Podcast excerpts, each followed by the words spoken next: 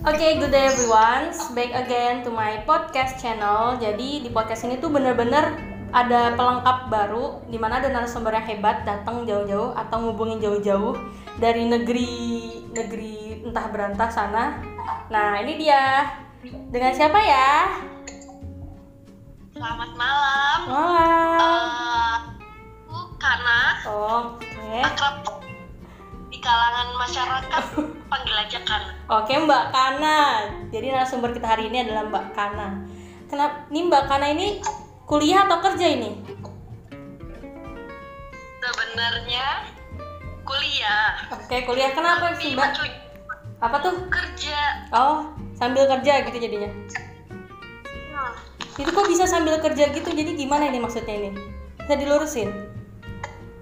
hmm, sejujurnya tuh, soalnya kan di sini kan aku ikut program. Jadi Oke. programku ini tuh nggak dibeasiswain, nggak dikasih uang sama pemerintah atau dari Hmm. agen-agen lain gitu. Jadi ini tuh self funded.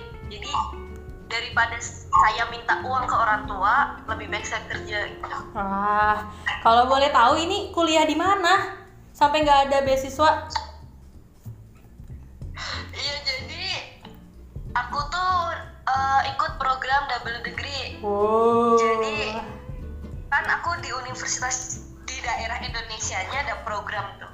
Oke. Aku ikut-ikut aja, seleksi, eh lulus ke Jepang gitu. Jepang, wah hebat. Narasumber kita sekarang dia di Jepang, guys. Oke, lanjut.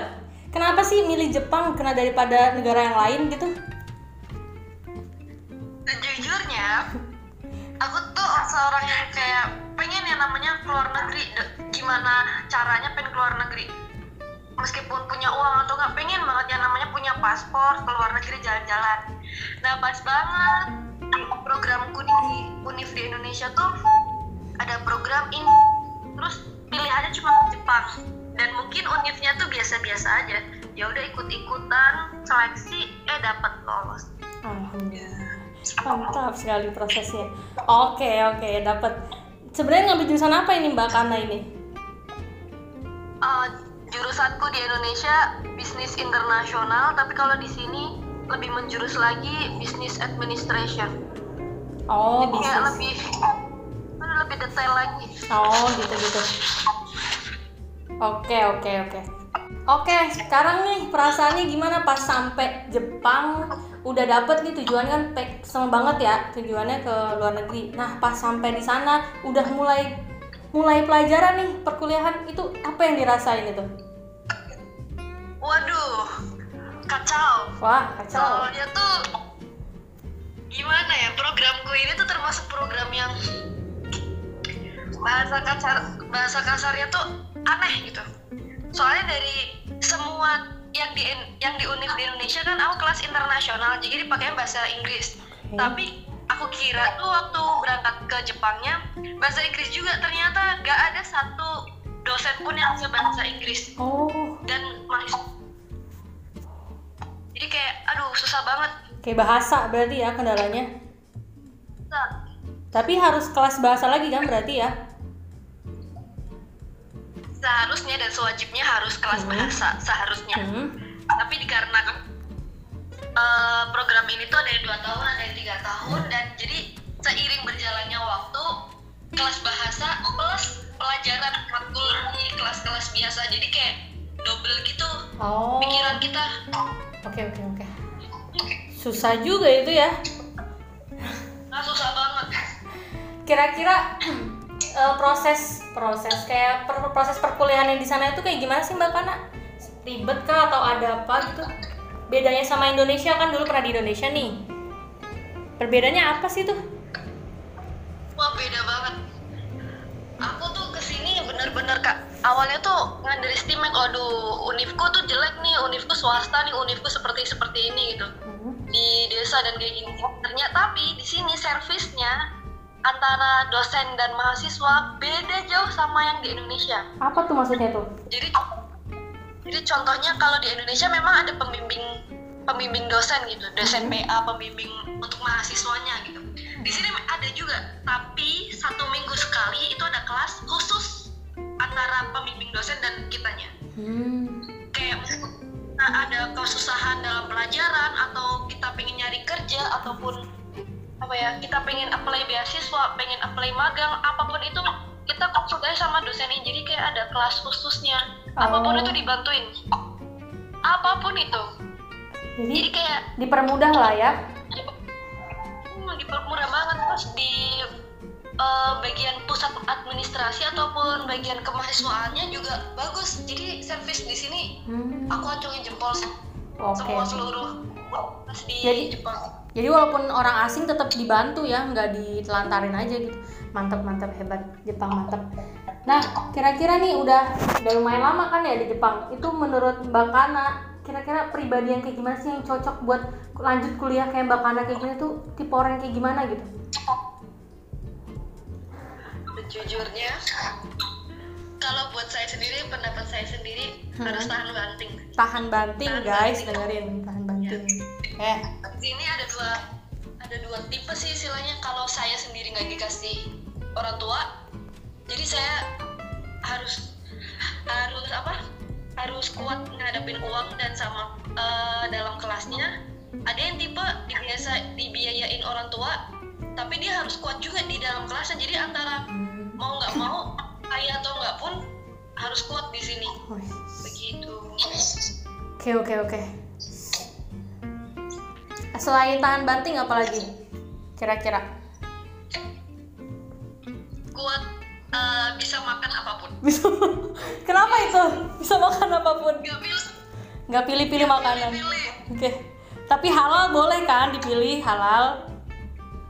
Nah, Oh. tapi di daerah sini Heeh. kan daerah di daerah